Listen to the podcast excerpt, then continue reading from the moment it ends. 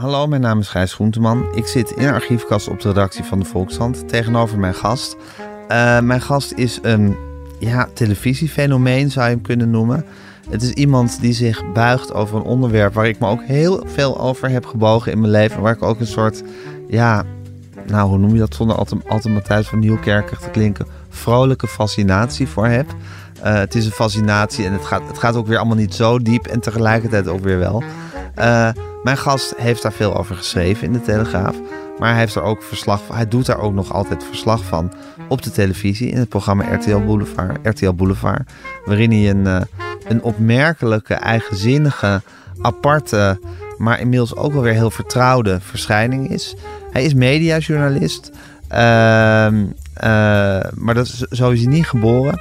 En daar gaan we het over hebben, hoe dat dan allemaal zo is gekomen. Uh, luister naar mijn interview met, hoe, hoe oud ben je Rob? 32. Met de 32-jarige Rob Goossens.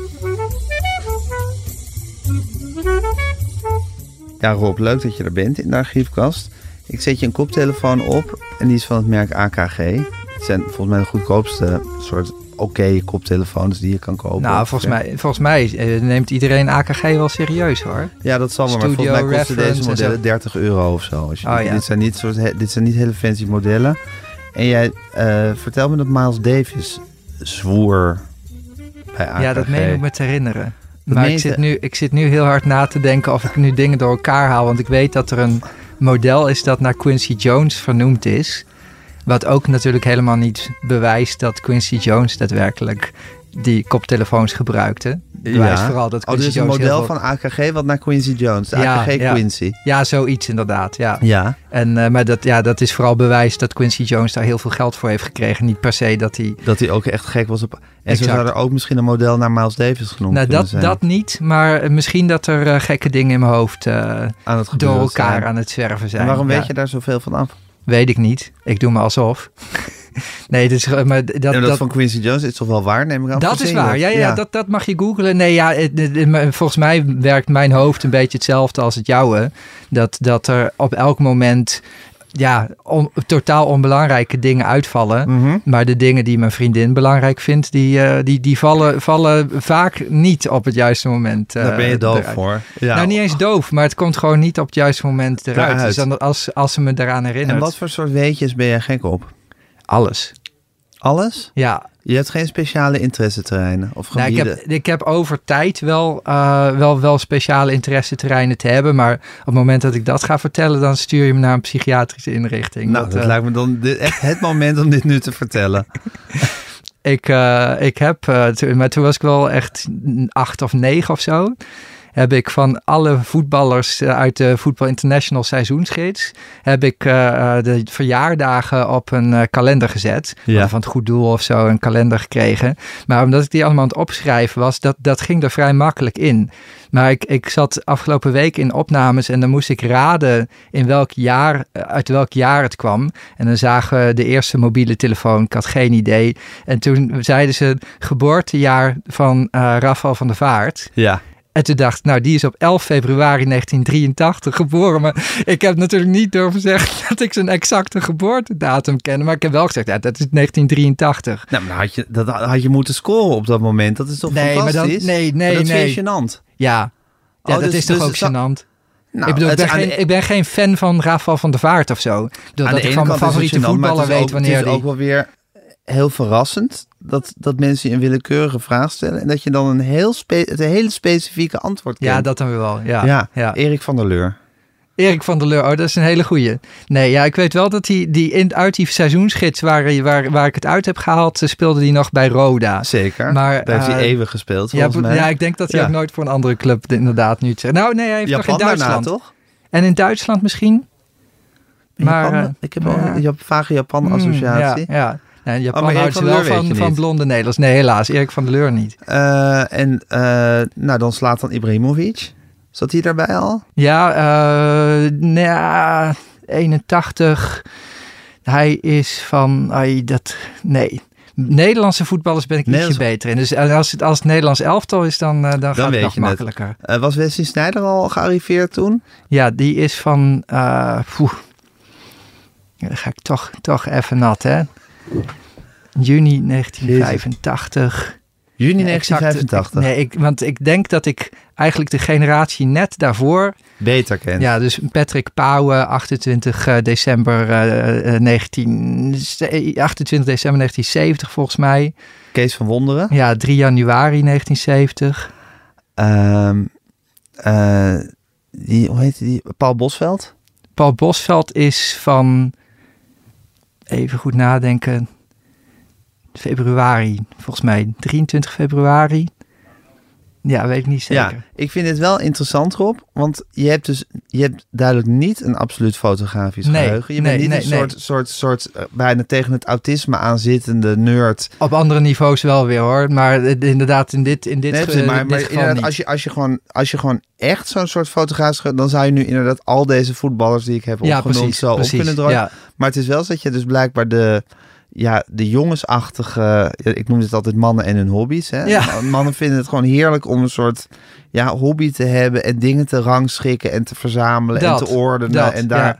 ja. de hele dag mee bezig zijn eigenlijk. En dat heb jij ook heel erg. En dat had je als jongetje, had je dat dus met die, met, met die, met die VI-seizoensgids en die verjaardagskalender. Ja, en dat was echt een kwestie van omstandigheden. Want het is natuurlijk niet dat ik tegen mijn ouders zei van... hé, hey, eh, zorg er eens voor dat ik een kalender heb... en dat ik die, eh, die seizoensgids krijg. Nee, ik had die kalender. Ik, Ja. ik had zoiets van, ja, wat ga ik daar in vredesnaam mee doen? Ja, En ik had die seizoensgids. Ik dacht, nou, ik ga gewoon... ik ga dat ja, overzetten en ik, schrijven. ik zal vast ook eerst de verjaardagen van mijn, van mijn drieënhalve vriendjes... zeg maar wel hebben opgeschreven. Voor je te ja, weinig. Dat, ja, precies, zoiets. Ja. Ja. En zeg je 3,5 vriendje omdat je dat weinig vriendjes vond, omdat dat gewoon het Ik- aantal vriendjes was? Ik, ik, ik ging op een sociaal wenselijk niveau zitten voor weinig vriendjes. Als ik had gezegd voor al mijn nul vriendjes, dan had je gezegd agossie. Ja. Ik hoopte eigenlijk met 3,5 net weg te komen. Het is jammer dat je me daarop eh, op, eh, eh, pakt. Ja. Ja, maar het grappig dat je dus ook de hele tijd bewust bent, zoals je dus toen bij die ene plek waar je was, ik weet niet meer precies wat het was, waar je dus niet de exacte datum van Ravel van der Vaart hebt genoemd. ja. Omdat je toen dus dacht van, oh dan, sla, dan denken ze, ja, ja, wat een rare jongen dat hij dat weet.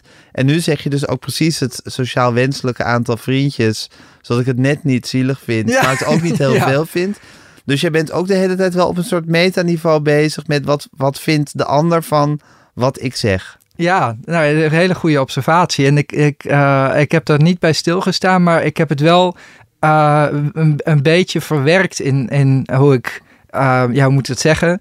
Eh, hoe, hoe, ik, hoe ik naar de wereld kijk. Want eh, ik word wel eens gevraagd, nou, die vraag die zul je ook regelmatig hebben gehad, van nou, wat raad je nou mensen aan om het eh, te maken of weet ik veel wat, levenswijsheid. En ik heb, ik heb heel lang, maar de- goed, toen was ik zelf zeg maar 21, Ja. gezegd wees jezelf. Ja. En op een gegeven moment ging ik, werd ik me bewust van hoe ik me ergerde aan mensen die gewoon helemaal zichzelf waren. Dat ik dacht van ja, maar dit is, dit, dit is geen goed advies. Nee. Want we, ja, er zijn mensen helemaal zichzelf waar we toch eh, knettergek van worden. Ja. Dus dat heb ik toen aangepast naar wees de, eh, de, de meest sociaal, of weet het, de minst sociaal onwenselijke versie van jezelf.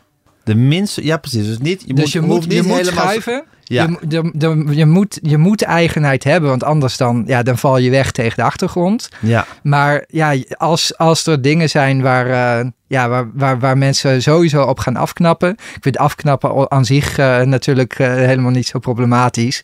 Maar ja, ik, ik zou mensen wel aanraden inderdaad om na te denken over eh, ja, ja. waar, om, om waar net die de grens, de ja, nette grens te zoeken dat je nog net sociaal wenselijk genoeg bent. Je Ja, hoeft niet, dat. niet helemaal je overal in te vleien. dat. Maar, je, maar je moet je over niet onmogelijk maken. Je moet net over het grensje gaan zitten. Je snapt wel wat ik bedoel, toch? Ja, ik snap zeker wat je bedoelt. Het is werken iets waar ik nooit, nooit, nooit zo letterlijk over na zou denken.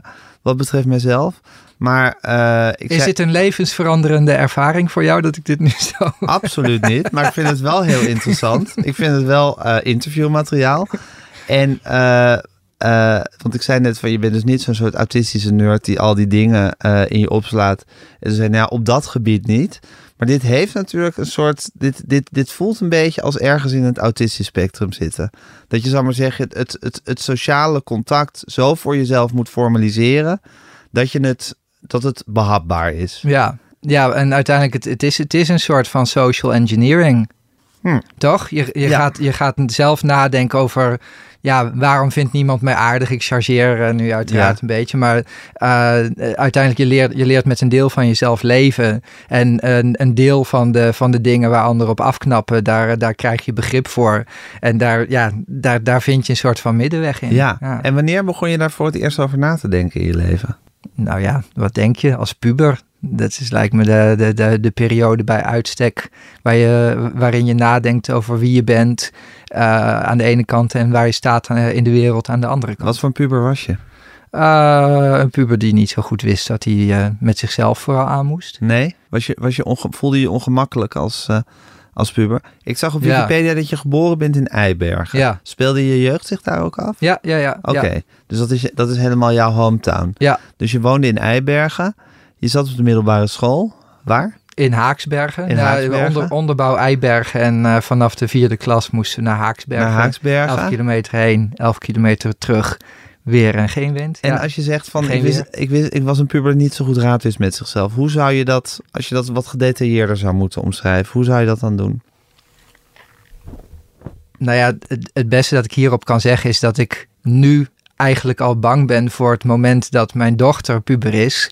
Omdat ik gewoon niet zou weten wat ik haar aan levensadvies voor die fase moet geven. Ja. Dus ik, ik, er zijn best wel veel dingen in mijn leven waarvan ik achteraf denk van nou, als ik daar nu op terugkijk, dan had ik het zo en zo eh, moeten doen. En eh, het meeste is, is gewoon goed gegaan. Dus Mhm. niet, niet dat ik daar met een bepaalde verbitterdheid of schaamte, wat dan ook, maar gewoon dat ik nu denk van nou, met de ervaring die ik nu heb, zou ik dat en dat tegen mezelf gezegd hebben. Eh, omdat ik nu die overview heb. En als ik terugkijk naar mijn puberteit, dan weet ik nog steeds niet wat ik mezelf voor advies zou moeten Nee, wat geven. je, wat je anders had moeten doen om het, om het wat draaglijker te maken, Ja, eigenlijk. En, wat, en waar, waar, waar school het ongemak precies in? puur in mijn hoofd. Puur in je hoofd. Ja. Wat gebeurde er in je hoofd in die tijd? Een heleboel. Ja, ik. eh, ja, je, je, je, eh, je constateert dat je geen aansluiting hebt bij, eh, bij, bij, bij mensen bij wie je wel aansluiting zou willen hebben. En tegelijkertijd weet je dat je. Ik, nou, nu praat ik het van me af. Dat is dan ook weer een beetje, een beetje gemak, het is erg gemakkelijk van.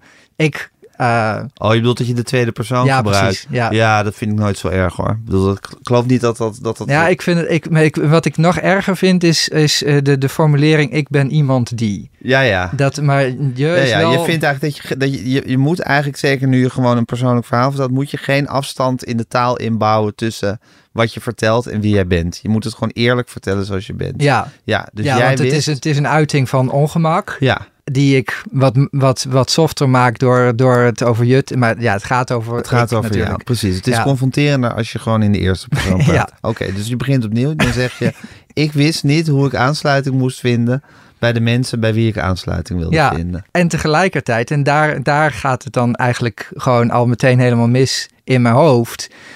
Ik wilde ook geen aansluiting op, Nee. de, op de dingen waar, waar, waar mijn leeftijdsgenootjes zich in interesseerden. Dus ik vond ze tegelijkertijd vreselijk. Ja. En ook eh, eh, machtig interessant en, eh, en stoer en weet ik veel wat. Ja, precies. En machtig interessant ook omdat je gewoon misschien ook gewoon zin had in het sociale contact. En zin Ja, had om erbij wel, te horen. ja. En geen zin om je afgezonderd te voelen. En tegelijkertijd dacht je, ja, wat, wat boeit het me eigenlijk wat deze mensen aan het doen zijn. En wat Ja. ze vinden en waar ze het over hadden. Wat boeide jou in die tijd? Eh, ja, het, het nieuws, om maar wat te noemen. Ik was, ik was al best wel met politiek bezig. Ik zat in de jongerenraad in Eibergen. En eh, ik heb daar, eh, dat was, was ook mijn eerste ervaring met journalisten. Want die, die belden dan om te vragen wat de jongerenraad ervan vond. Wat is toen- jongerenraad precies? Ja, de jongerenraad is gewoon de, de manier van een gemeente om te zeggen: kijk, we vinden de jeugd wel heel belangrijk, want wij hebben ervoor gezorgd dat er een jongerenraad is. Maar van het budget dat je die jongerenraad geeft, kunnen ze nog niet eens de koffie voor het hele jaar eh, Nee. betalen, zeg maar. Nee, Dus dat is de, de jongerenraad. En een soort schaamlab om te doen of ze zich Tuurlijk. om jongeren bekommeren. Natuurlijk. Ja. Ja. en er zijn altijd wel wat volwassenen die het oprecht belangrijk vinden. Die zich daar ook uh, dan over ontfermen. Dus er waren twee begeleiders van de jongerenraad die echt oprecht gouden mensen. Eén jongen die zelf uit Eibergen kwam, al lang niet meer in Eibergen woonde en gewoon elke dinsdagavond terugkwam om ja, zo'n ja, uiteindelijk in de basis kansloos clubje een beetje verder te helpen. En een jongerenwerker die ook na haar werktijden nog met ons bezig was.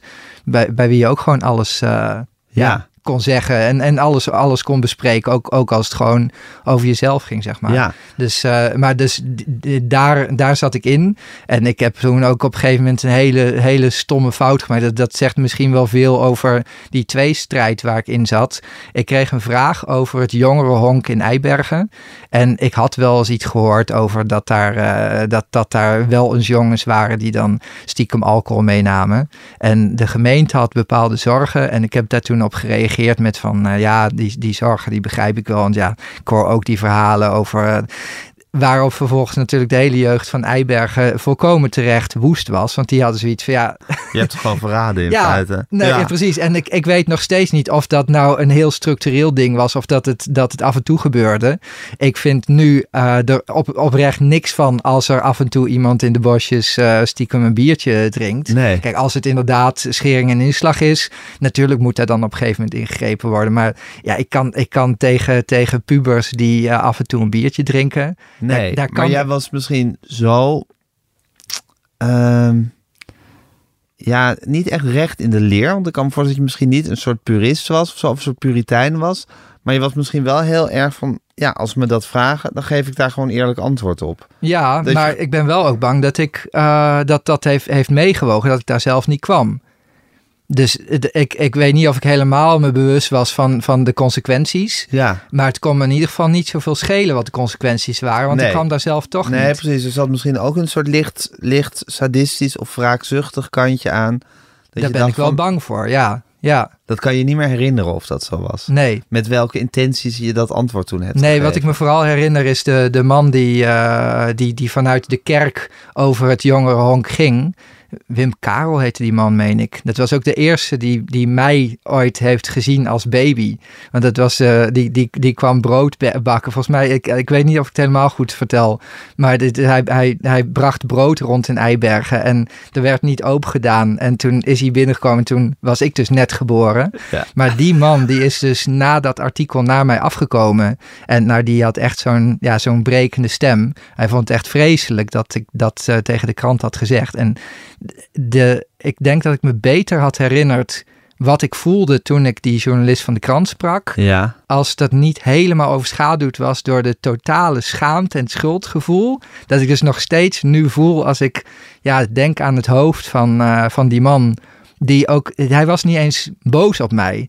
Terwijl ja, hij had ook gewoon kunnen zeggen: wat de fuck uh, ben jij aan het doen? Maar het, hij was echt, ontzet. Ja, en hij kwam verhaal halen en, en, en ja, begreep en was hij niet ontzet dat... dat jij die jongeren erbij had gelapt of dat je de vuile was buiten had gehangen? Uh, nee, dat ik zijn, zijn jongerenhonk... In discrediet uh, had ja, gebracht. Ja, en, en dat, dat hij daarna natuurlijk van ouders vragen kreeg van... hey, ja. jullie beloofden ons toch een veilige plek waar, uh, waar Ranja geschonken wordt. Ja. Daarom mogen onze kinderen daar vanaf een dertien nu blijkt heen. het dus Sodom en Gomorra te zijn. Ja, Jezus Rob, wat een verhaal. Afschuwelijk, hè? Ja. ja. ja. Heeft dat erin gehakt bij jou, deze geschiedenis? Ik ben daar wel... Uh, nou ja, inge ingehakt is een groot woord, maar het, het heeft me wel een, een goede, goed lesje geleerd. Ja, over wat je kan, wat je kan bewerkstelligen door Ja. zoiets te zeggen. Ja, en dat, is- dat is natuurlijk iets dat de, uh, eigenlijk iedere journalist ook moet voelen. Dat op het moment dat jij iets schrijft, uh, dat, dat dat consequenties heeft. Ja, En uh, dat is niet per se een reden om het niet te schrijven nee. of te zeggen. Maar uh, ja, het, het kan geen kwaad om het, om, om, het, om het je op dat Om het moment tot je door te ja, laten precies, dringen. Ja. Ja. En eh, die Wim Karel heette die? ja, volgens mij wel. Ja. Eh, die was dus woedend op je. En waren de, waren de jongeren in kwestie ook woedend op je? Die daar, je daar nog iets van gemerkt? Ik ben niet nagejaagd. Oké. Terwijl Net als heb ik- je ook niet verder geïsoleerd nog. Ik heb daar niks van gemerkt. Je was al gewoon hartstikke geïsoleerd. dus dat maakt allemaal niet zoveel... Er was niet zoveel kwaad meer te verrichten. Ja, ja, ja. Nee, ze hebben, ze hebben me niet, eh, niet nagejaagd op straat of Nee, mijn, eh, mijn, mijn, mijn broek aan de vlaggenmast Heb je dat wel eens meegemaakt? Ben je ook wel eens gewoon echt... Je bent nooit fysiek eh, hebben ze het, heb, hebben ze Nee, op je gem- nee, nee. Dat is dus grappig. Grappig, dat is opvallend, want je was dus wel een jongen die moeilijk aansluiting vond. Die niet, die niet makkelijk opging in de groep. Maar je was ook weer niet iemand die blijkbaar het pest, eh, de pestspier Nee, ja, nee kijk, ik, ik ben wel ongelukkig geweest over, over dingen die, eh, die, die ze tegen me zeiden. Maar ik, ik was gewoon niet weerbaar. En ik, ik, ik- ik- Maar je hebt natuurlijk kinderen die ook geterroriseerd worden ja, precies. En, nee, precies. En dat, dat, dat is bij mij echt niet gebeurd. Dus, Nee. Maar wat wel bijvoorbeeld gebeurde, ik, ik, ik eh, eh, was eh, ook toen al wel eh, bij Vlagen pedant. En eh, ja, ik, als iemand wat zei, dan, dan, dan probeerde ik een comeback eh, te hebben, zeg maar. En eh, bij, op, de, op de voetbalclub, ik was echt een graadmager mannetje. En mijn moeder die, je? Ja, ja. Ja. ik was er niet goed in overigens. Nee, Laat maar je dat deed het meteen wel met liefde. Dat, daar hield, Eh, je hield er wel van. Nou, ik, ik hou nog steeds enorm van de sport. Maar Ja. ik ben wel blij dat ik het zelf niet meer doe. Oké, maar op de voetbalclub? Ja. Ik onderbrak je verhaal, sorry. Ik was graadmager en ik kreeg van mijn ouders een maillot mee in de winter voor onder mijn eh, voetbalbroekje. Maar die maillot, ja, dat was een, dat was een lelijk oud ding. Lubberige maillot. ja, ik, ja, Ja. en, en, en ik, ik doe die op een gegeven moment aan. En degene na- naast me in de kleedkamer, die zegt, wat ben jij nou aan het doen? En toen zei ik iets, en ik vind het, om heel eerlijk te zijn, nog steeds best wel grappig. Ik zei toen, ja, nee, ik moet hierna ook nog naar mijn balletles natuurlijk. Maar die jongen die vond het blijkbaar zo grappig dat hij dat toen... Ja, dat, dat heeft hij ook zijn grapje gemaakt. Maar toen, toen ging het die hele... Want hij moet daarna nog naar zijn balletles. Precies. En die kon ik niet hebben, maar het was mijn eigen grapje. En ik ben echt, ik was daar zo verdrietig van, dat ik na die voetbalwedstrijd nog een uur door Eibergen gefietst heb, omdat ik gewoon me niet durfde te vertonen bij mijn ouders, zeg maar. En pas toen ik me een beetje vermand had, kwam ik daar weer. Maar dat was, het was mijn eigen grap. Dus ja, ik, ik Maar je heb... durfde je niet te vertonen bij je ouders, omdat je gewoon nog, nog zo geraakt was of onder de indruk dat je niet het vrolijke jongetje kon, kon spelen thuis. zo. Ja, zoiets. En ik was Ja. niet, niet per se super vrolijk jongetje, maar ik, ja, ik, ik kon gewoon niet stoppen met huilen. En ik wilde, ik wilde dat eerst onder controle hebben en dan... eh, En je voelde dat als een diepe, diepe vernedering, dat je met je eigen grapje Nou, zo, zo werd... Niet eens. Dat is het gênant eigenlijk. Ik, eh, eh, want ik, ik, ik pas, pas later realiseerde ik me dat het gewoon echt helemaal mijn eigen grapje was. Maar ja, ik vond het, ik vond het gewoon helemaal niet leuk dat zij grapjes maakte over mijn maillot. Ja, En ja, dat, dat is, dat Dat is een ik. totaal gebrek aan weerbaarheid. Want ja, zeker als je de, als je de grap zelf hebt gemaakt. ja, het is ook wel gewoon... Het is ook wel gewoon hard, zoals het leven hard is. En Maar het het is leven niet van een eens kind hard. hard kan zijn. Hard vind ik dat ze, dat ze die in de fik steken en dat je niks hebt om aan te doen als je naar huis eh, gaat. Maar het was gewoon, ja, Een grapje over een ja. Ja, hangt er een beetje vanaf Rob tegen wie het grapje over... Ik bedoel, als het, als het een stoere jongen is, bij wijze van spreken... of iemand die zich toch al heel lekker in zijn ja, vel voelt... ja. en die kan me gezien zeggen, ah, flikker op, mijn maillot... eh, en ik draag hem, weet ik veel. Maar als je je toch al, toch al niet onderdeel van de groep voelt... en zoals jij ook nog eens heel bewust bent van... wat iedereen Ja. van je denkt... en wat ze van je zeggen enzovoort... kan ik me ook voorstellen dat je daar gewoon... Je vindt het eigenlijk een beetje overdreven van jezelf. Maar nou, eh, snap je niet dat ik eigenlijk tegen, eh, tegen, tegen eh, de Rob van toen zou willen zeggen van... joh, het is je eigen grap, wat, wat stel je aan? Ja, ik vind het feit dat het je eigen grap was, vind ik eigenlijk niet zo. Ik bedoel, dat, dat, dat het misschien vind ik juist extra rottig. Maar ik denk van ja, als hij die. Als, het, gaat gewoon om dat je, dat, je, dat je je bekeken voelde en vernederd. Omdat ze je uitlachten om je maillot. Het feit dat je dat met zelfspot ook nog hebt gezegd. Eerst zelf. Ja, dat doet eigenlijk niet zoveel. Oké, ja. Vind ik, ja, dat vind ik niet per se eh, het, het, het, het erger of minder erg maken. Nee, en ik, ik voel dan juist weer meer dan toen. Uiteraard voor die jongens die dat deden. Omdat het ook maar pubers zijn met een half afgebakken brein. Ja. Dat nog eh, ja, volwassen moet worden. Ja. Die, die, die hadden waarschijnlijk ook. Ja, ik, d- d- d- er zijn geen jongens, nou misschien eentje. Maar van de rest echt geen jongens die kwaad in de zin hadden. Er zaten echt wel echte teringleiers op de voetbalclub. ja. Maar in mijn team, ja, wat jongens die gewoon net even wat minder slim waren. Ja. Maar ja, Geen, geen slechte... geesten. Nee, ja, ja.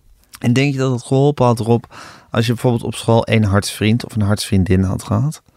Ehm, nou, ik, ik heb altijd wel een beste vriend gehad. Oh, die heb je altijd gehad? Ja. Is dat een en dezelfde geweest al die jaren? Nee, wel redelijk stabiel, maar eh, wel een paar. Ja. Maar vond je daar, vond je daar soelaas bij? Ik bedoel, hielp dat?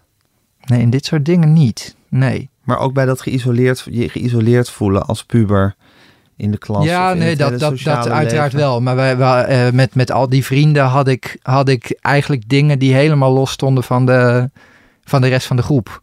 Dus mijn basisschoolbeste vriendje, daar heb ik heel veel mee in de tuin gespeeld, eh, hutten gebouwd, oorlogje. En zijn ouders die hadden een vijvertje en, eh, en kano's. En we hebben nog wel eens in de winter dan die kano's, eh, het ijs opengebroken en die kano's in de, in de vijver geflikkerd. En daarna verloren wij onze balans en moesten we uitleggen waarom wij totaal onderkoeld binnenkwamen, zeg maar. Dat was mijn basisschoolvriendje. Daarna heb ik een, een beste vriend gehad die, waar, waar ik veel meer mee... Ja, eigenlijk da- daarna mijn beste vrienden, daar, daar eh, had ik het mee over, over de actualiteit en over... Ja, over, over nou ja, bedrijven, over, over de maatschappij. eh, dat een beetje. Maar dat, dat zijn, dat zijn Maar dat discussies gebeurde helemaal buiten school eigenlijk. Dat, In dat feite je- wel, dat je het ja. over de actualiteit en over Ja. bedrijven had. Dat voelde voor jou niet als opgaan in het sociale leven? Of, eh, Het was eigenlijk meer afsluiten daarvan. Ja. Want je, ja, meer dan de- deze situatie hebben wij niet nodig om de wereld te bespreken. Nee, en Dus- voelde dat ook een beetje alsof je dan met, met, met, met je beste vriendje van toen dan eh, zo aan het praten was over de actualiteit? Voelde het ook een beetje eigenlijk als een soort zwaktebod? Nee, nee, Oh, nee, niet. nee, nee, nee. Dat vond ik, dat was echt eh, eh, heerlijk. Ja, nou ja, ik kan nu zeggen afleiding. Maar dat, ja, dat, dat, dat zou het eigenlijk tekort doen. Dat was, dat was gewoon heel, heel fijn. Ja, En ja, je bent, je bent dan 15, 16, 17 en ja, je weet alles beter.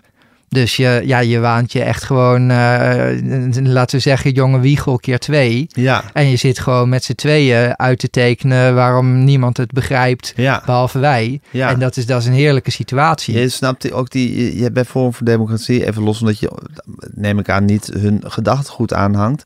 Maar, dat je, maar dan zie je ook van die, van die, van die, van die ja, ballerige piepkuikens in pak. Ja, Die zo met elkaar Ja. zo de wereldorde Ja. aan, het, aan het verdelen zijn, Ja. maar zeggen. Beetje dat gevoel. ja en wat. Je nu, wat je nu ook in de verkiezingsprogramma's van de nieuwe partijen ziet. Dat, eh, dat, dat, dat nou, een voorbeeldje Volt, die willen het, eh, het, het Nederlands en het Duitse en ik geloof het Belgische stroomnet aan elkaar gaan knopen. Mhm. Omdat ze dat heel eh, logisch vinden. Ja, dat is zo logisch dat dat al gebeurd is. Ja. En ik heb, ik heb op mijn negentiende aan iemand die, eh, eh, die wat, wat was hij nou? Hij was docent, ja, hoe moet je dat zeggen? Ik, ik denk dat ze dat in Delft urban planning noemen. Dus gewoon ste- ja, stedenbouwkunde. Ja. Ja, stedenbouwkunde. Ja. En eh, waarom, waarom de politiek niet nadenkt over, over hoe je het land ja, stedenbouwkundig inricht. ja, Ja, die moest mij vertellen dat ze daar dus wel, wel over nadenken. nadachten. Dat daar ook een ministerie voor is. En ja, dat maar soort het is een soort diepe arrogantie dat je denkt van... hallo, ik heb daar wijsheid in pacht, ik weet hoe het zit. Of jij met je vriendje en dan praten, Zoiets. bomen opzetten... Ja, ja, hoe het allemaal ja. moet, geregeld moet worden. Ja, en het is wel, natuurlijk wel zo. Dat zijn thema's die je, die je niet heel veel in de, in de krant tegenkomt. nee. Dus dat, is, dat was wel een beetje het referentiekader. Je, je, je ziet iets niet voorbij komen.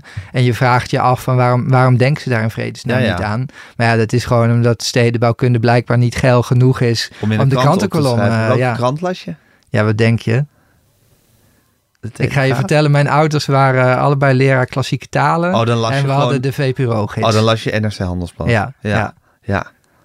Ja, ik heb vanaf mijn tiende ook de Casper en Hobbes eh, strookjes eruit Ja. geknipt. En dan had ik een fotoalbum en daar plakte ik ze dan in terug.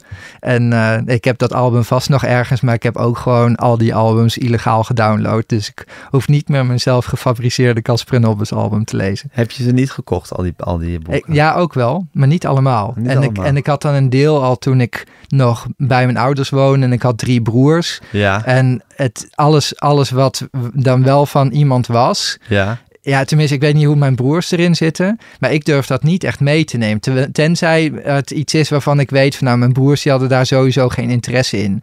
Maar iedereen vond Casper en Hobbes leuk. Iedereen vond eh, Cowboy Henk leuk. Ja. Dus ik durf niet mijn Cowboy Henks en mijn Casper en Hobbes eh, mee te nemen uit Eibergen. Oké. Jeetje Rob, ik ben... Ja, ik, ik ben mateloos geïntrigeerd door jouw geest, moet ik zeggen. ja, wat een... Ja, het is, het, is, het is overzichtelijk en complex tegelijkertijd. Ja, ik snap wat je bedoelt. Ja. Ja, en het, en maar het, tegelijkertijd, ja, ik, ik snap ook weer als, als mensen gewoon met, ja, met hun hand boven het nummer van de, van de GGD hangen, zeg maar. Voor jou. Ja, Om jou nu, zodat jou geholpen kan worden. Ja. Nou, stroompje op de kop. Dus kijken of het beter gaat. Nou, kijk, iedereen heeft natuurlijk zijn issues en zijn dingen. En ik denk eh, dat jij een soort eh, eerlijkheidsdrift hebt. Dus ik denk dat je gewoon heel eerlijk, eh, heel eerlijk vertelt hoe, hoe, je, hoe, je, hoe, je, hoe, je, hoe je in elkaar zit. Ik denk dat jij het moeilijk, Ja. vindt, dat je het moeilijk zou vinden om, om eh, als ik je een vraag zou stellen, om te liegen of de halve waarheid te Ja. vertellen. Gok ik. Ja, Ja. Dus, eh, en je hebt hier duidelijk diep over nagedacht. Of je hebt hier wel goed over nagedacht. Over hoe je functioneert en hoe je in elkaar zit. En hoe je je het best kan positioneren in de wereld. Maar Nou, uiteindelijk is het ook een kwestie van gewoon gaan natuurlijk. Het is niet dat ik bij elke stap die ik doe nee, ga nadenken zeker. van hoe, hoe Nee, maar landt dit in mijn, in mijn Nee, maar waardepatroon. gewoon alleen de hele gedachte, gedraag je precies sociaal wenselijk genoeg. Ja, Is al een soort hele duidelijke formule die je vervolgens natuurlijk elke dag weer, elke keer weer dat je ergens bevindt, kan gaan toepassen. Maar Ja. die, die heb je wel goed, goed doordacht. Dat je precies zo sociaal wenselijk wil zijn dat het net genoeg is. ja, En wat ik nog even wil weten, want je was in je puberteit eigenlijk, als je het zo, eh, ja, even van een afstandje bekijkt. Je had lieve ouders, neem ik aan. Ja. Heb je daar nog veel over? Heb je veel te klagen over je ouders? iedereen heeft wel wat te Iedereen klagen. heeft wel wat maar- te klagen, maar het, het, zijn, het zijn geen monsters. Nee, maar Leven ze nog? best... Ja, ja Allebei? Ja, Oké. Oké. Eh, nou, je zat, je, je zat op voetballen. En dat is natuurlijk dat vreselijke incident met die maillot geweest. Maar het waren ook weer geen monsters met wie je voetbalde. En je hield heel erg van de sport. En ook misschien wel van het doen. Nou, je had in ieder geval altijd wel een beste vriendje. Ja, Eh, dus je had... Je, bedoel, je was niet helemaal vereenzaamd. Je had sociaal contact. Nou, je hebt zelf drieënhalf vriendjes genoemd. Maar goed, dat is misschien een beetje een ruime of een beetje een krappe schatting. Maar toch in die range kunnen we het wel zoeken. Maar je was niet helemaal geïsoleerd. ja, Nou, je had hobby's en liefhebberijen en je interesseerde je voor de wereld. Op school werd je in ieder geval niet gepest of niet, gete- niet geterroriseerd. Dus je zou kunnen zeggen, nou, zo kwaad was het toch helemaal niet. nee. Maar toch voelde je dat je, dat je, dat je, je gewoon in het dagelijks leven en in het norma normale sociale verkeer hoekig en ongemakkelijk was. Ja, en, en ik wilde gewoon harder, sneller en door. En dat... eh, ja, ja, je hebt ook altijd een soort, soort ambitie gehad die altijd verder was dan waar jij ja, was. precies. Echt, echt die, die, de, de wortel aan een, eh, aan een stokje. Ja, ja. En dat... eh, Dus je had ook altijd het gevoel, ik ben nog niet waar ik wil zijn. Ja. En dat dan de hele tijd. ja, ja, ja. En hoe, is- hoe is dat nu? Dat wordt beter. Ja. Die, de, de, eh, ik, ik denk dat er een permanente onrust in mij huist, om het zo maar te zeggen. Ehm, maar, en dan, dan komen de clichés. Op het moment dat je een kind krijgt, dan verschuiven er wel wat dingen. Is dat zo? Ja, dus ik, ik word rusteloos van niet aan, of ik werd echt rusteloos van niet iets eh, te doen hebben. Ja. En eh, dus ik, ik, ja, ik, heb, ik heb overal waar ik zat altijd knijterhard gewerkt. En eh, deels, ja, het, het moment dat mijn dochter geboren werd, dat was ook, dat Hoe lang viel is dat geleden? eh, januari 2022, dus is eh, anderhalf. Hoeveel Jemig. januari? Moet, moet iemand bellen? Nee. Het gaat niet goed met je. Ja, bel de GGD maar, voor jezelf en voor mij ook. Maar verder gaat het wel goed. Godzijdank. Hoeveel godzijdank. januari? Eh, 5 januari, ja. En eh, eh, dat, eh, ik ben niet heel kort daarvoor bij de Telegraaf vertrokken, waar ik in loondienst was. En daar werkte ik heel hard. Ik deed daarnaast Boulevard. En op het moment dat ik naar Boulevard moest, dan voelde ik me ook een beetje schuldig richting de krant. Dus dan ging ik extra hard voor de krant werken. En dan kreeg ik toch te horen dat, het, ja, dat, dat mijn prioriteiten niet, niet goed lagen. Ja. En dus wat dat, dat, dat heeft niet, ja, hoe zeg je dat? Daardoor ben ik aan het denken gezet, ja, en dan krijg je gewoon een kind. En ik, ik ben het daarna beter van mezelf gaan accepteren als ik gewoon een dagje niks te doen heb. Dat ik gewoon, nou ja, morgen wel weer verder zie, verder kijk, zeg maar. En komt het voor dat je een dagje niks te doen hebt? Ja, Ja, en nu, nu kan ik daarmee leven. Dan en, is er en- gewoon geen werk wat op je wacht. Ja. En, eh, en, en mijn beste vriend, die is, zit, het best in, eh, zit, het, zit hetzelfde in elkaar als ik. En die wordt, Wie is dat? Mart heet hij, Hoe ken je hem? eh, van ik de ga weer middelbare school. hoesten. Het is helemaal niet ernstig, maar dat is bij mij iets... wat nogal vast kan zitten. Vertel even over Mart. Het, het komt niet door mij, toch? Het komt zeker niet door jou op. Nee, Mart eh, ken ik van de middelbare school. En hij kwam in de, in de vijfde klas bij me in de klas. Hij Hij was je laatste beste vriend op de middelbare school ja, eigenlijk. Ja, ja, ja. En eh, eh, ja, hij kwam in de vijfde klas erbij. En eh, wij, wij zagen elkaar voor het eerst op de eerste dag van het schooljaar. En toen werden we allemaal in een bus geladen en naar het Krullenmuller gebracht. En we konden elkaar totaal niet uitstaan. We hebben gewoon meteen op dat moment besloten van oké, ik haat jou. En ja, dat is dus helemaal goed gekomen. En dat, eh, dat, er zijn er Hoe lang heeft dat geduurd? niet zo heel lang. Ik Nee, nee. Binnen een week of twee was het... eh, ik denk het het wel. Ja, een maand maximaal. Dat je toch eh erachter komt dat je wel een beetje hetzelfde in elkaar zit en dezelfde interesses hebt. En En wat vinden jij en Mart in elkaar? Liefde voor politiek? Ja, nou, Maart, Maart is meer van de, eh, van, van de, van de zakenkant. Mhm. Dus hij, hij werkt nu ook bij een investeringsfonds. En ja, we, we, we sturen elkaar eh, artikelen door over eh Picnic dat naar, naar Frankrijk gaat. Of wat had hij nou laatst? Oh ja, ik, ik heb, ik heb hardloopschoenen gekocht. omdat hij mij een artikel doorstuurde over een bedrijf Hoka. Dat in heel korte tijd een miljard waard is geworden. En die, die fascinatie voor dat soort verhalen, Ja. daar, eh, daar vinden we elkaar in. En eh, ja, we kunnen, het, kunnen het gewoon heel goed over het leven hebben. Hey, je bent entertainmentjournalist, maar boeit, boeit dat je eigenlijk überhaupt? Ja, Ja? Ja. Waarom in godsnaam? ehm, omdat het voor mij een soort van eh, elke dag naar artis gaan is.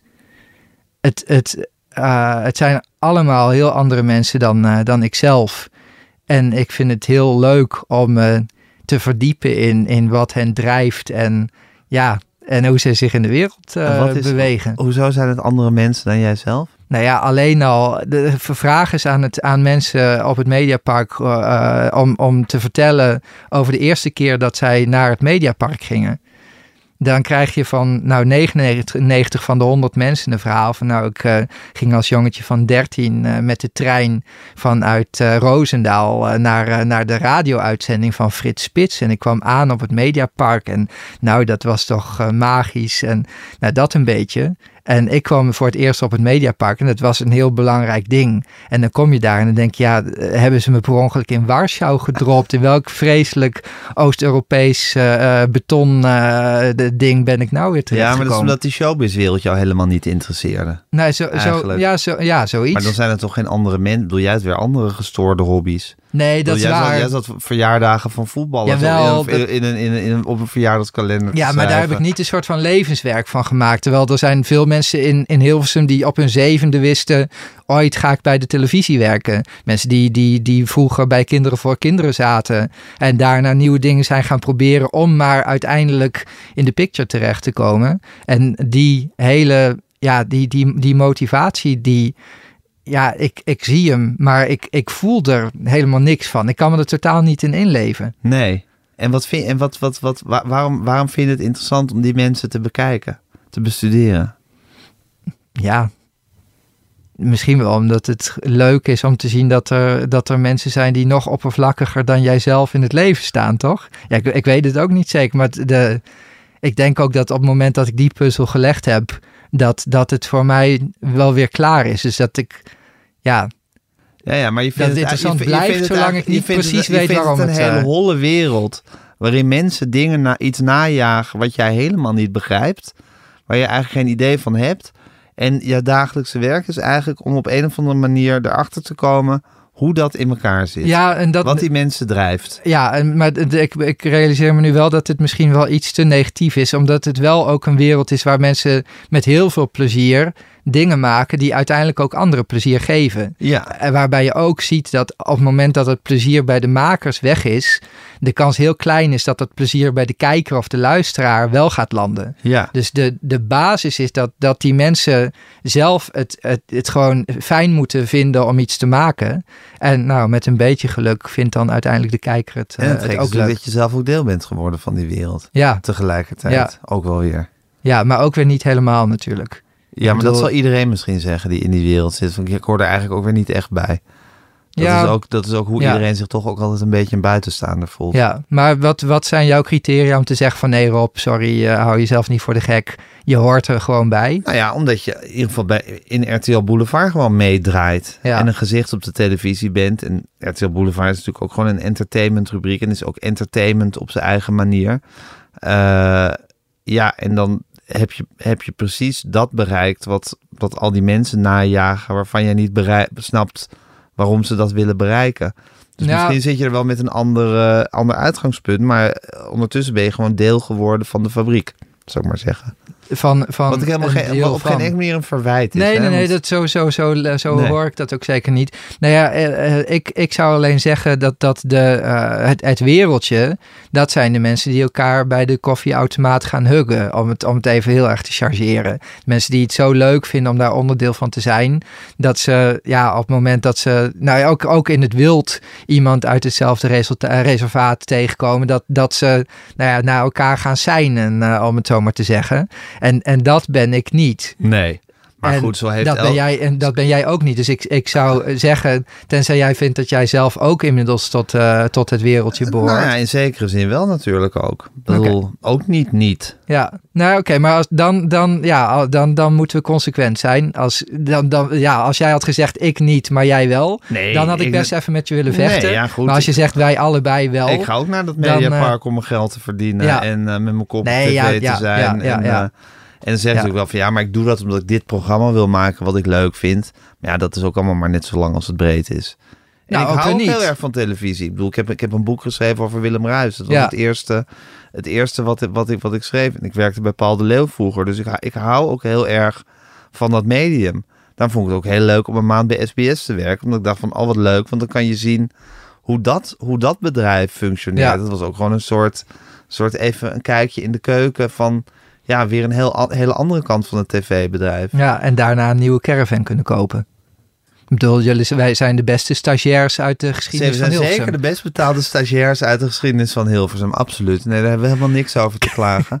Eh, nee, maar ik vind, ik bedoel, het is, ja, ik vind het, ik, ja goed, maar ik ben in die zin weet je, dat ik, het, dat ik het ook een heel amusante wereld vind Ja. om te kijken. Maar ook, ook om deel van uit te maken. En ik vind het ook gewoon leuk om tv te maken. Ik denk dat jij het ook leuk vindt om tv te ja, maken. ja, Toch? Het is ook gewoon een leuk eh, kunstje om te beheersen. ja, ja, mee eens. Ja, En, en wat, wat, wat ik er bijvoorbeeld eh, eh, leuk aan vind is, ik, ik ben heel perfectionistisch eigenlijk. ja, Ik vind het echt vreselijk om een stuk in te moeten leveren. ja, omdat het altijd nog eigenlijk beter kan. Ja, ja. en bij live televisie... Moet alles uit de losse pols. Ja, en, Ja. en dan en soms merk je gewoon tijdens, als je begint met praten al van nou, dit wordt niet mijn beste uitzending. Nee.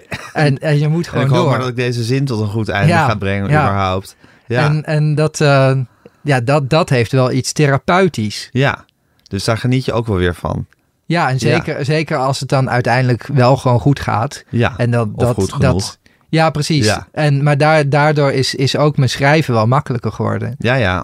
Jij zult ook af en toe dan een, een deadline opgelegd hebben gekregen. En dan ineens moet het een week eerder. En daar heb je helemaal geen rekening mee gehouden. En ik, ja, ik, ik vind dat nog steeds irritant. Maar ik kan nu makkelijker dan zeggen van ja, het is niet mijn schuld dat er een, een week aan kleine schavinkjes eh, Ja. ja. is achtergebleven. Dus in heb het, je ook eh, in- dingen in- geleerd. Ja, Die tv, dat tv. Ik bedoel, het heeft, het heeft je het zelf ook flexibeler gemaakt in Ja, zekere ja. zin. Ja. En het is toch ook leuk, vind ik, om gewoon on the spot te moeten presteren. ja, Terwijl heel veel mensen eh, met je meekijken in die rare soort vacuümgezogen wereld Ja. van een tv-studio. Dat je, ineens, dat je het ineens moet doen. ja, Ja, mee eens. Dat, dat heeft toch allemaal gewoon wat? Ja. Ja, precies. Oké, dus we zijn het ermee eens dat dat werk leuk is. Maar toch heb je het gevoel dat je nog een soort buitenstaander bent. En dat je die mensen als een soort, soort ja, dieren in de dierentuin aan het bekijken bent. ja. Ja, Ja, en, en ik, eh, ik, ik vind mezelf ook niet per se gemaakt voor het, eh, voor het medium. Juist ook omdat ik, omdat Ja, ik dat is apart net, ben. Dat is maar net zo lang als het breed is natuurlijk. Ja, dat, ja, fair enough. Ja, Ja, ja, juist als je apart bent. Of als je op een of andere manier denkt van... Huh, wat is dat voor een, ja, voor een wonderlijke jongen. ja. Eh, ge- geen uitzonderlijke schoonheid. Ik, zou het nu ook over mezelf kunnen hebben. Eh, hij heeft een rare stem. Maar ja, hij heeft ook wel weer iets. ja, Ja, dat is ook, die moeten er ook tussen zitten. ja, ja. Ja. Ja, het is fascinerend. Hey, en Rob, met Mart ben je dus nog altijd artikelen aan het uitwisselen over bedrijven die naar de beurs gaan of die naar Frankrijk naar de gaan kloten, uitbreiden ja. of naar de kloten. Ja, ja. En wat vind je daar interessant aan? Ehm, ja, ik denk toch uiteindelijk de, ja, hoe moet je het zeggen? De, eh, hoe groot het is. Oh, Dat het, dat het gaat over dingen die, die zo groot worden dat ze, dat ze niet meer in, in één paar handen passen. Ja, en, En- ook niet meer in de hand te houden zijn eigenlijk. Ja, ja. En soms, eh, soms eh, is dat expres en soms gebeurt het. Maar eh, ja, bijvoorbeeld zo'n zo'n verhaal als, als met Theran, Theranos. Ja. Dat, dat, dat bedrijf dat, dat, dat, dat bloed eh, beweerde te kunnen Hoe heet ze analyseren. ook alweer die vrouw? Ja, Holt, Holmes. Holmes. Elis- Elizabeth, Elizabeth Holmes. Holmes, ja, ja. precies. Dat, ja, dat, dat, dat iemand ambitie heeft en vrij snel, omdat ze gewoon nou ja, goede cijfers haalde en een goede uitstraling had, geloofd werd in de beloftes die ze deed. En dat uiteindelijk die beloftes ook gewoon een beetje met haar ja, dus de combinatie van de beloftes aan anderen en haar eigen ambitie met haar aan de haal gaan. En dat dat dan uiteindelijk zo'n treinramp wordt als, als dat bedrijf uiteindelijk is En geworden. dit is natuurlijk een heel uitzonderlijk verhaal, Ja. want zij was gewoon een, een, ja, een 100% oplichtster. ja. Die gewoon een, Ja, maar en- wel geworden. De- Ja, ze, ze, ze, ze, was daadwerkelijk, ze heeft wel de intentie gehad om te maken. Ja, wat- wat maar al vrij snel bleek dat dat helemaal niet kon. Ja, En toen heeft ze het alsmaar verder en verder en verder opgepompt. Ja. En iemand die helemaal in leugens is verzand geraakt. ja, Is wat anders dan Picnic dat naar Frankrijk ja, gaat. ja, ja, ja. Ja, ja. maar ook in. Picnic wat naar Frankrijk gaat uitbreiden... zie je een verhaal van... Ik neem aan dat Picnic ook weer door twee mannen is opgericht...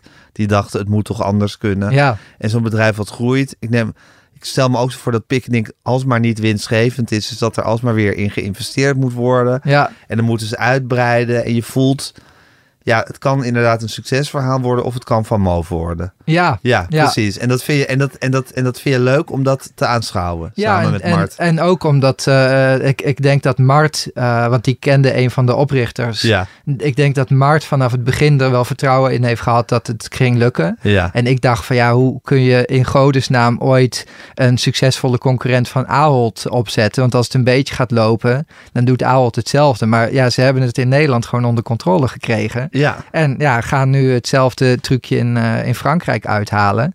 En ik zou nu eigenlijk niet meer weten waarom het daar niet zou kunnen. nee. En dat, eh, ja, deel, deels van de fascinatie is toch eh, het nationalisme. Dat ik het leuk vind dat dat een Nederlands bedrijf is dat de wereld aan het overnemen is. Ja, En deels is het ook, eh, ja, deels geniet ik ook wel een beetje van dat, dat ik dus in mijn oorspronkelijke aanname ja, ongelijk heb gehad. bent. Ja, ja. Want dat vind je leuk. Je vindt het leuk om ongelijk te krijgen in zoiets. Nou, ik vind, eh, ik vind het nog leuker om gelijk te krijgen. Maar ik, ik kan er goed tegen om ook, eh, ook een keer ernaast te zitten. Ja. ja. En volgens mij is het toch, ten diepste gaat het eh, bij jou erom dat je denkt van hoe gedragen mensen zich? Hoe, welke risico's zijn ze bereid te nemen? Hoe, hoe werken ze zich ergens uit? Eh, volgens mij is het uiteindelijk wel een diep menselijke nieuwsgierigheid die je hebt. ja. Ja.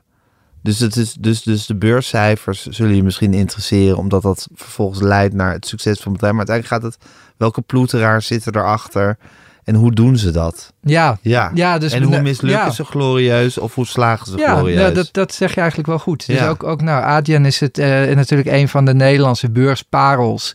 En eh, heeft, heeft recent best wel een heel stevige klap gehad. Omdat de, de, de analisten dachten dat ze veel harder groeiden dan ze daadwerkelijk deden. Ja. En uiteindelijk het, het meest fascinerende aan die hele dag vond ik hoe Pieter van der Does, de oprichter en CEO, tijdens de call met de investors Ja. Er gewoon helemaal niet meer uitkwam. Begon te stamelen, te stotteren. Terwijl dat het moment was om er nog wat van te maken. Ja. Ja, ja. En dat, daar zit ook niet een, een bepaald leedvermaak in of zo. Eh, eh, dat, eh, ik, ik denk dat dat... nee, ik vul, vul nu iets in. Maar ik, ik kan me zo voorstellen dat jij had gedacht dat ik wel dat dan een soort van grappig had gevonden. Nee, niet per se. Maar ik denk dus nu ik je, hoe lang ken ik je nu? Drie kwartier ken. Denk ik niet dat je het grappig vindt. Maar ik denk ook niet dat je, dat je zal maar zeggen, dat je, dat je hard met hem meehuilt. Dus ik denk dat je het gewoon, dat je, dat je, dat je het, het schouwspel gewoon waardeert. Ja, Dan dat. zeg je, ja, je, je, je waardeert de dramatische situatie. ja, En je, je, je, je beziet het van alle kanten. En je denkt, goh, zo gaat dat dus. Ja. En dat, hij, komt, hij komt er niet uit. En niet zo van, haha, dat gun ik hem.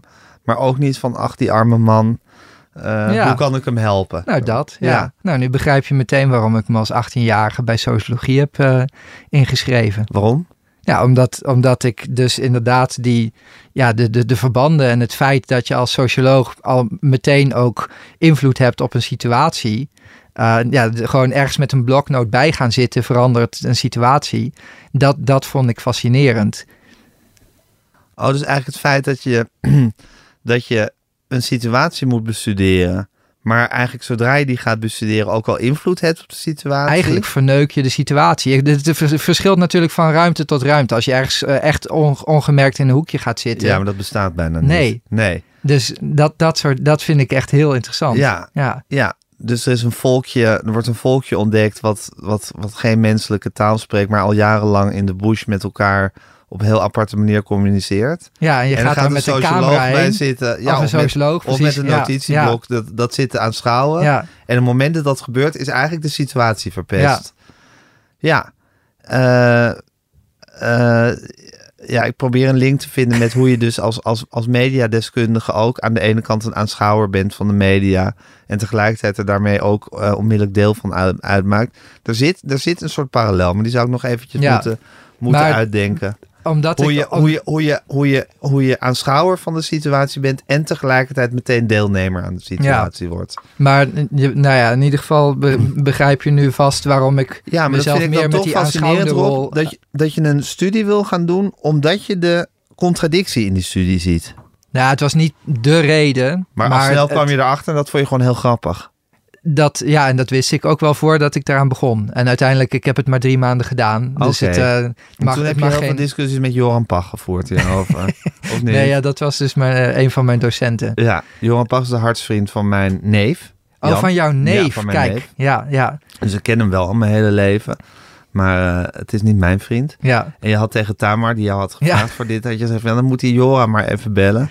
Want die weet hoe, die vond mij al irritant voordat het bonton was om, Ja, het- om mij ja, ja. irritant te vond, Ja, en ik, ik wist niet meer exact hoe het zat. Maar ik, omdat het natuurlijk ook alweer eh 14 jaar geleden is of zoiets Ja, dat dergelijks. geeft maar allemaal niks. volgens, volgens mij heeft, heeft Joram toen een keer jouw naam eh, genoemd. En, eh, dat is dat, en, en als, als de zoon van Hanneke En Groenteman. waarom, eh, waarom eh, ja, hij keek vroeger altijd voetbal bij ons. Oh, Dan ja. kwam je met Jan mee. Want, en waarom vond hij jou irritant, denk je? Weet ik nog steeds niet. Maar hij vond je irritant. Ja, en het kan ook gewoon zijn dat ik eh, naast mijn sociologie voor een VVD'er werkte. Ik was ook helemaal geen lid van de VVD trouwens, hè, maar eh, het- ik had wel een beetje het gevoel dat dat, dat niet helemaal Jorams politieke kleur was. En dat hij, daar, dat hij zich daar niet helemaal over, eh, overheen kon, Kon zetten. zetten. Maar er, er moet ook iets anders zijn geweest. En hoe vind jij het als iemand jou irritant vindt? Uit- nu kan ik daar prima mee leven. En toen? Sterker, nou, sterker nog, ik, ik kan het voor heel veel mensen ook wel begrijpen. Waarom? Ja, eh, omdat ik eh, voor veel mensen ook wel irritant kan zijn. Waarom? Nou ja, Wat, wat, vul wat, is, er- wat is er irritant Ja, aan jou? moet ik nu jouw werk gaan doen? Vul jij het eens in? Nee, dat, jij, zegt ik snap wel dat mensen mij irritant vinden.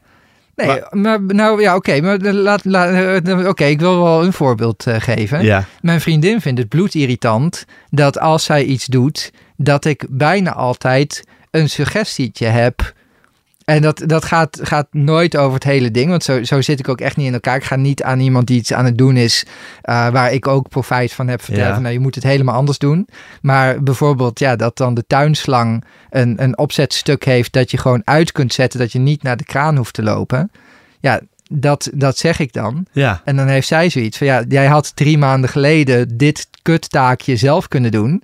En dan ga ik het doen en dan heb je er wat op aan te merken. Ja, ja. En ik, het, het is voor mij helemaal niet aanmerken. Ik, wil, ik zie haar gewoon worstelen met zo'n tuinslang die alle kanten op gaat, terwijl zij probeert naar de kraan te lopen. Ja. Maar, ehm, dus ja, zo'n, mijn, mijn, mijn- bedoelingen zijn daarin oprecht. Maar ja, ik snap, ik snap ook wel weer dat dat van haar kant irritant is. Ja, ja. En dat Nou, is dat een antwoord op jou- en dat op zit jouw een beetje vraag? jouw, Ja, toch? En dat zit een beetje in jouw hele wezen.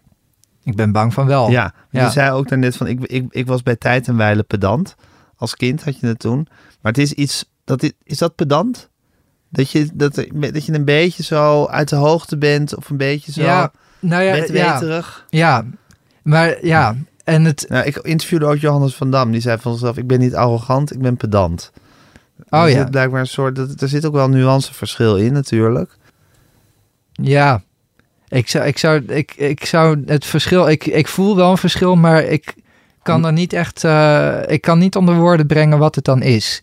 En ik, ik zou zelf eigenlijk, ik vind mezelf meer bedweterig dan pedant, maar ik kan dan ook weer niet uitleggen Nee, wat, maar bedweterig en pedant liggen wel dicht bij elkaar. Ja, ja, en ik, ik denk, ja, misschien is pedant wel gewoon de perceptie voor, vanuit Van de de, andere ander kant. Voor, iemand die bedweterig ja, is. Ja, Ja. En dat, dat vind je jezelf. En dat is denk, dat is denk je wat mensen, wat mensen irriteert. ja,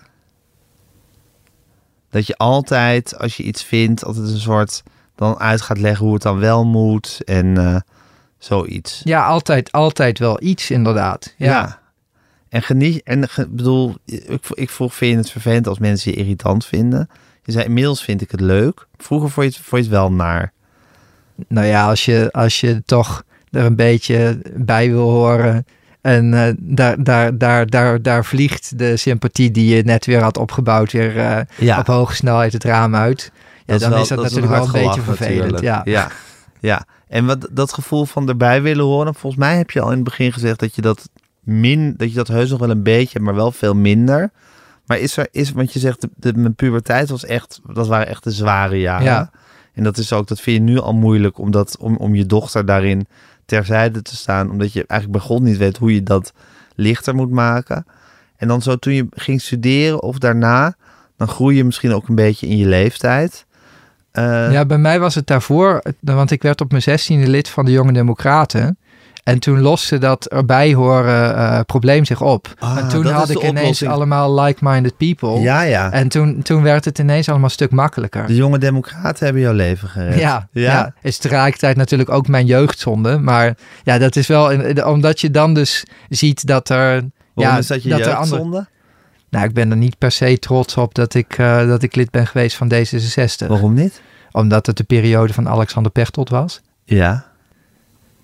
Ja, ik vind, ja, hoe moet ik het zeggen? Ik vind D66 zeker uit die periode, Een vreselijke partij. nou wel echt het, het summum van bedweterigheid. Alle mensen die in die periode lid zijn geworden, dat de, als je ze vraagt van nou, als, als we nou het kiessysteem op de, op de schop nemen en we geven mensen die zich eh, echt verdiept eh, hebben in de politiek eh, twee stemmen en mensen die het niet weten, die, die mogen er nog maar één hebben. Wat voor invloed zou dat hebben op de, op de uitslag? Ja. Die zijn ervan overtuigd dat dan hun partij verdubbelt. En dat de PVV en de, en de andere populistische partijen, dat die dan eh, een beetje troosteloos achterblijven. ja. Omdat die het moeten hebben van mensen die zich niet in de politiek eh, verdiept hebben. Ja. Is die perceptie. Maar ja, dat, en dat, dat is natuurlijk wat, wat ik ook eh, dacht. ja. Maar ja, goed, ik, ik, ja, ik heb je net geschetst dat, dat ik ook ja, zo'n zo, zo'n jochie was dat eh, vond dat Alles hij... beter wist. Ja, en, Ja. En, en, en nou ja, vooral zich verwonderde over, over dingen waar, waar anderen niet over nagedacht en wanneer hadden. heb je je fouten ingezien wat betreft de jonge democratie? Want je voelde je daar dus heel gelukkig. Je Ja. was eindelijk bij like-minded people. Ja, Hè? Gewoon me- mensen die lekker over, over de wereld en de toekomst en het verleden, alles eh, met, met elkaar zaten te discussiëren. De wijsheid in pacht hebbend. Wanneer, wanneer heb je je fout ingezien wat betreft de jonge democraten?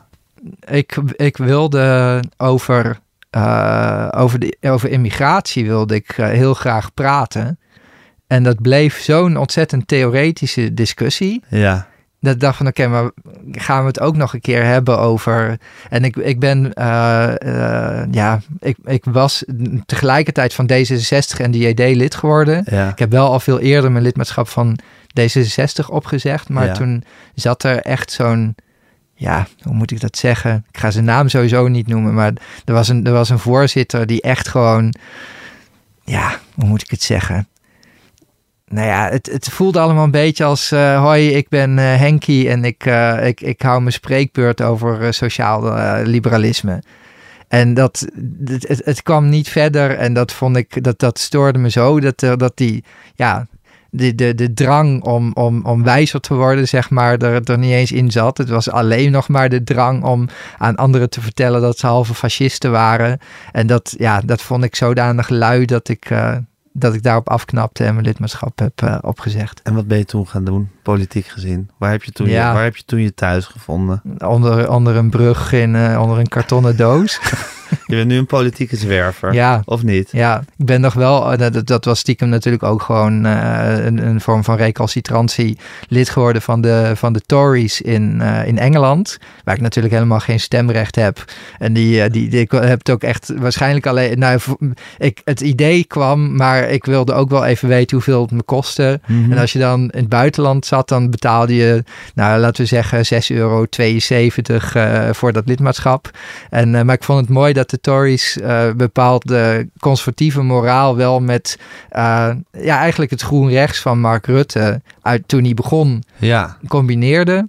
En eh, daar, daar zag ik wel wat in. Maar ik vond het ook gewoon heel leuk natuurlijk om dan... Ja, want mensen vroegen dat aan mij van... Ja, maar waar, waar, waar stem je dan nu op? En dan ja, kon ik dus zeggen van... Nou, dat, dat, we- in Nederland weet ik dat nog niet. Maar in Engeland zijn we een- bij de Tories. ja, Ja, ja, ja, en ik was eh, trots lid van de Tories Abroad. Ik wist ook niet dat die organisatie ontstond... maar ik kreeg Nee. van een of andere... maar in Nederland ben je eigenlijk een politieke vluchteling sindsdien. ja, en ik Ja. Zit, zit ergens in de driehoek D66, CDA, VVD.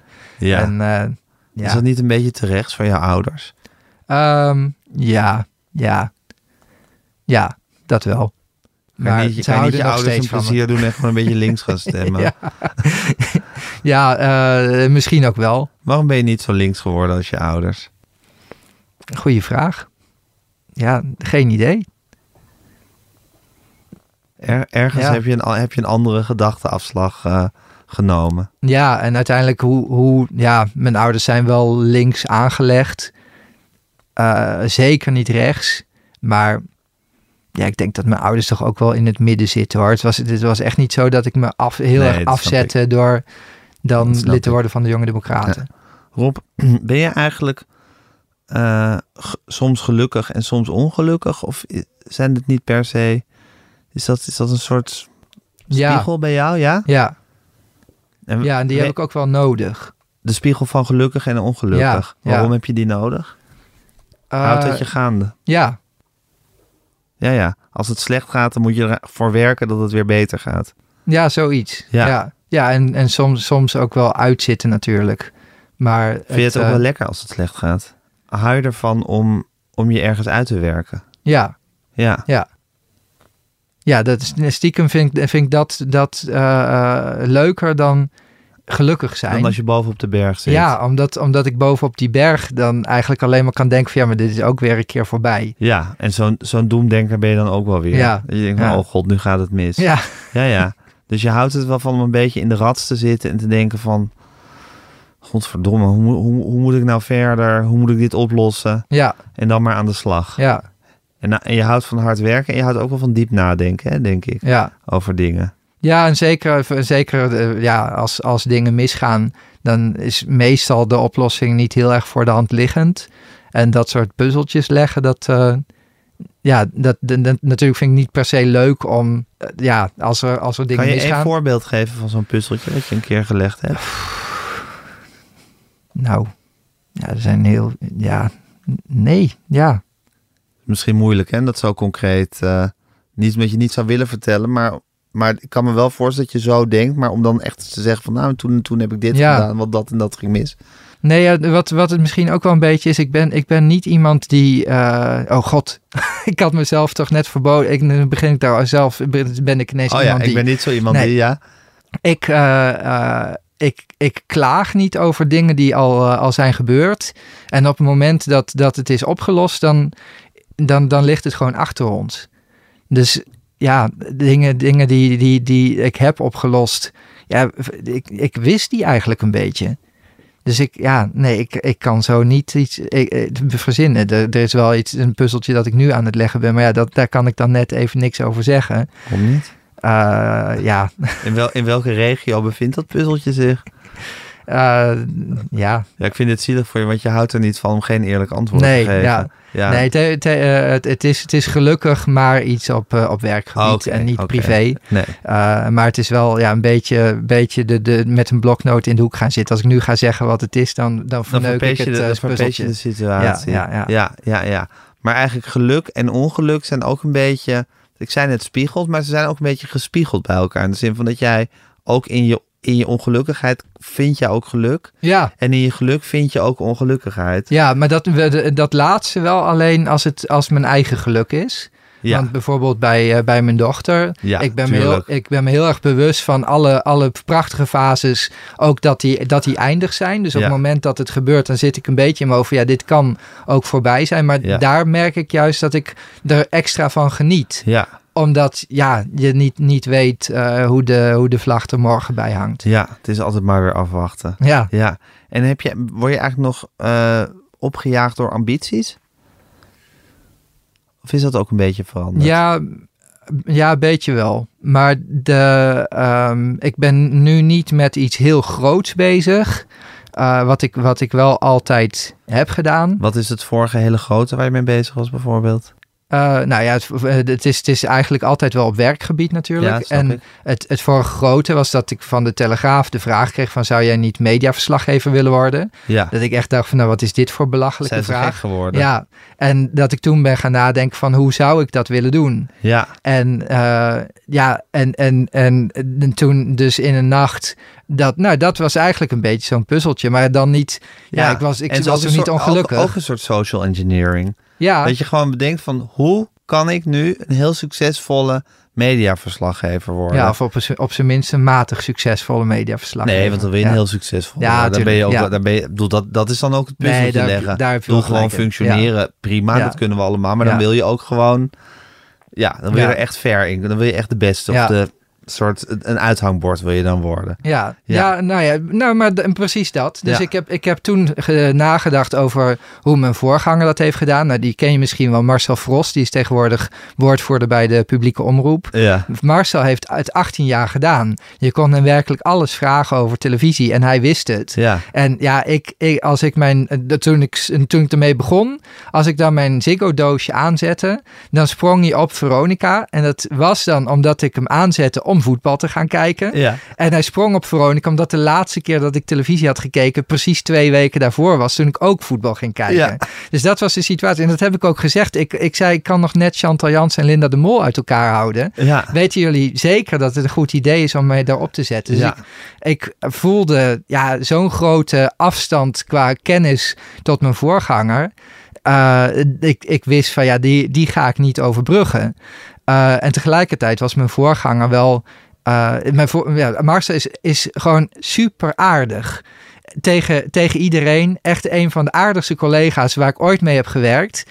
En toen dacht ik van ja, maar is dat per Ik ga se een eigenschap. Ja, waar je wat aan hebt als je de med- mediaverslaggever van de Telegraaf bent? ja. Dus ik heb toen twee dingen bedacht. Marcel die was ook als de dood om, om zelf ja, op camera te verschijnen. Ik vond eigenlijk dat de Telegraaf mediaverslaggever, omdat dat zo'n prominente portefeuille voor de krant is, Ja. die hoort ook ja, in andere media de, uh, de mediawereld te duiden. Ja. Dus ik had, zei toen tegen mezelf, eigenlijk moet je dan op een gegeven moment ook bij Boulevard staan. Ja.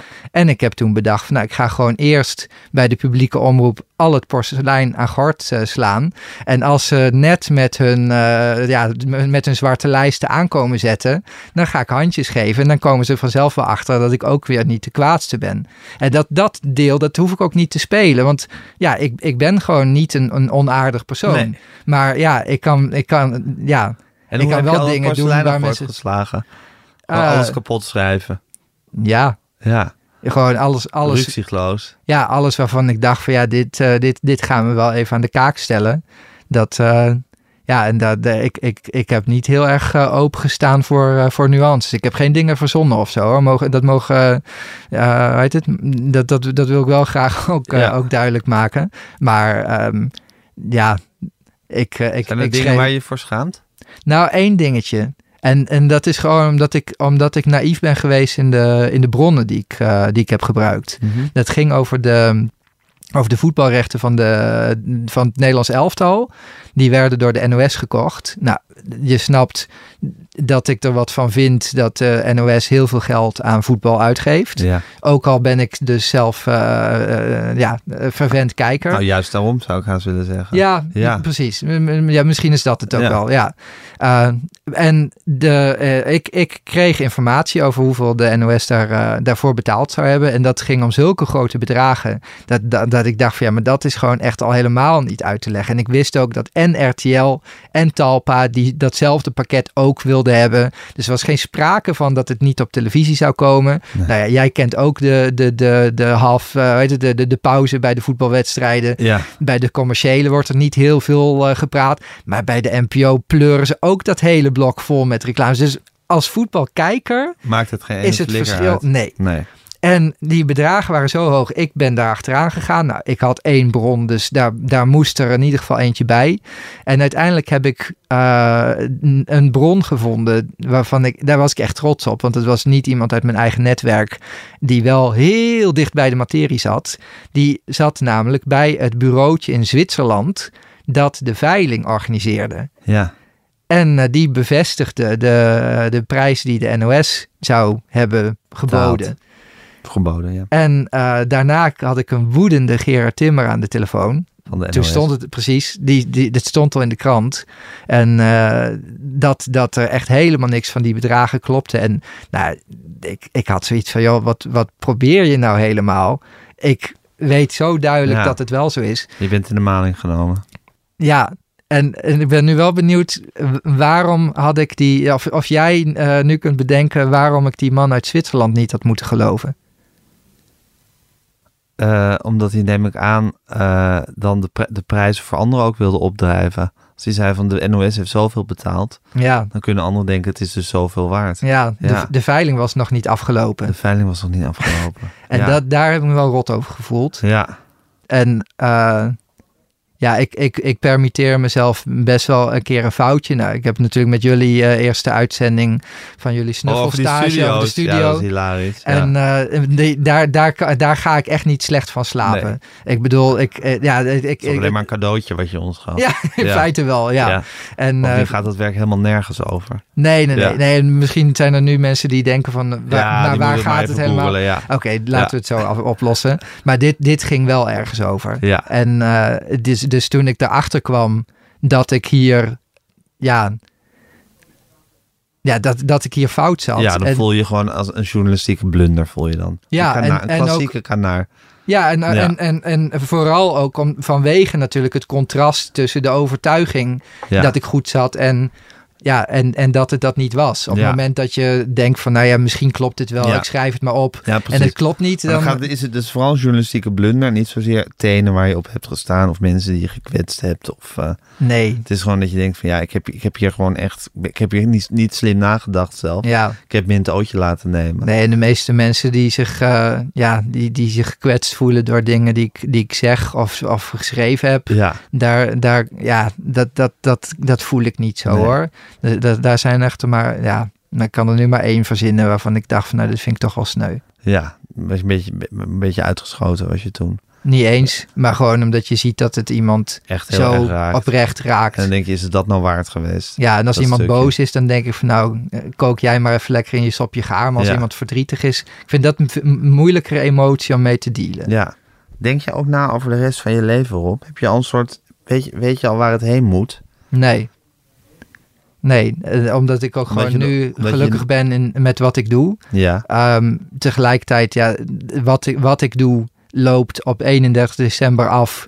En je bent volledig afhankelijk van anderen in of, of het daarna doorgaat. En Dus wat je dat doet, is, natuurlijk- is dat een contract bij RTL wat je hebt? of ja, niet bij RTL, maar bij de, bij de Oh, productiemaatschappij. bij de die productie ik maak. van, Ja, eh ja, van ja. Boulevard. Ja. Ja, en, en ja, je kent de televisiewereld eh, inmiddels ook. Ja, het, je, je weet het nooit. Nee. Ze, en ze gaan je nooit eh, eh, vooraf vertellen dat ze toch niet helemaal tevreden zijn. Nee, En ja, dus dat voelt altijd een beetje als een zwaard van Damocles. ja, Ja. ja. Ja. Maar ik kan me ook niet voorstellen dat je, dat je eeuwig die media blijft bestuderen. Dat boeit je eigenlijk Nee. helemaal niet echt. Jij wel dus als een soort artiest, maar niet... Ja, nee, ja, maar het, het, het, het boeit me dus wel. Ehm, en eh, ik, ik snap helemaal wat je zegt. En, en, en iedereen om mij heen die zegt van ik... ik, ik Maar het is je gaan niet- boeien eigenlijk. Het, ja, Ja. en, eh, ja, en, en ik, ik zou niet weten wanneer het dan afloopt. Dus ja, als ik heel eerlijk ben, ik denk ook niet dat ik het voor de rest van mijn leven doe. Nee. Maar ik kan nu ook, ook niet... niet een- zeggen van ik doe het nog drie jaar. Nee. nee, Vind ik altijd heel raar als mensen dat zeggen. ja, Ja. Bovendien heb je toch nooit enig idee van de chaos van het leven. nee. Waar je in Dat, ja. wordt. Ja. Vind je het leven leuk uiteindelijk? Ehm, oh, dat vind ik echt een, een moeilijkere vraag dan ik had gedacht.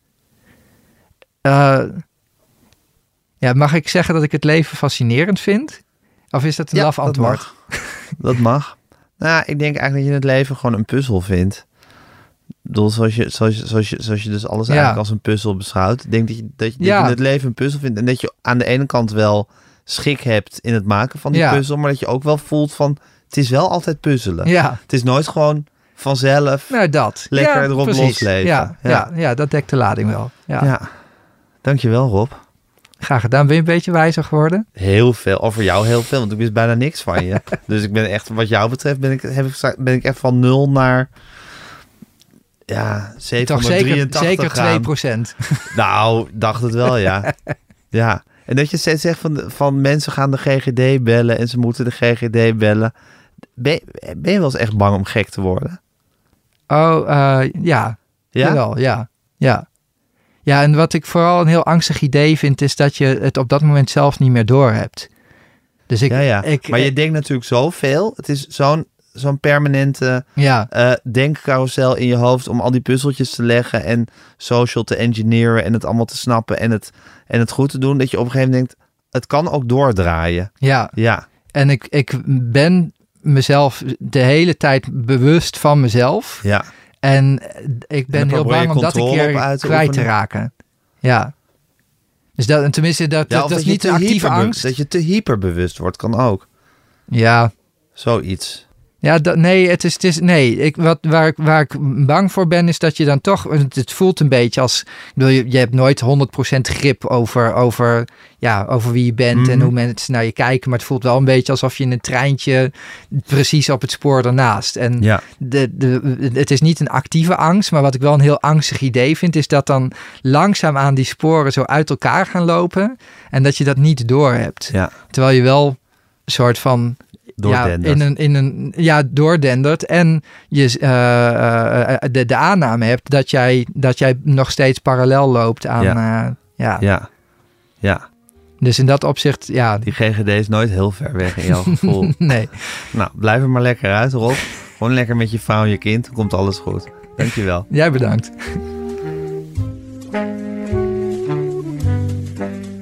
Dit was Met Groenteman in de Kast met Rob Goossens. Mijn naam is Gijs Groenteman. Maak dit programma samen met redactie Tamar Bot en Fanny van der Rijt. Eh, alles netjes in uw oortjes bezorgd door Julia van Alem. Eindredactie Corien van Duin.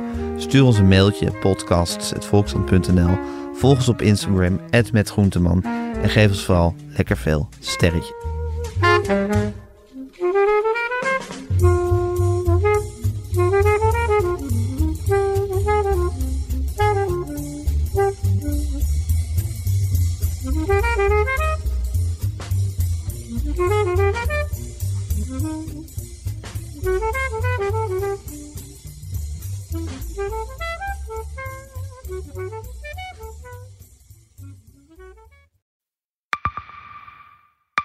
Zijn leven is overhoop gegooid.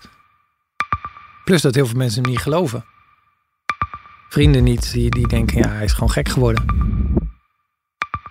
Hoe naar moet dat zijn?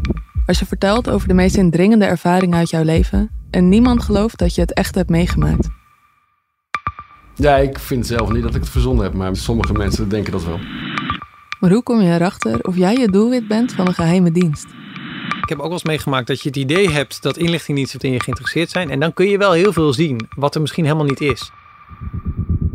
Als ik s'avonds nog iets ging eten, dan volgden die mensen mij naar het restaurant.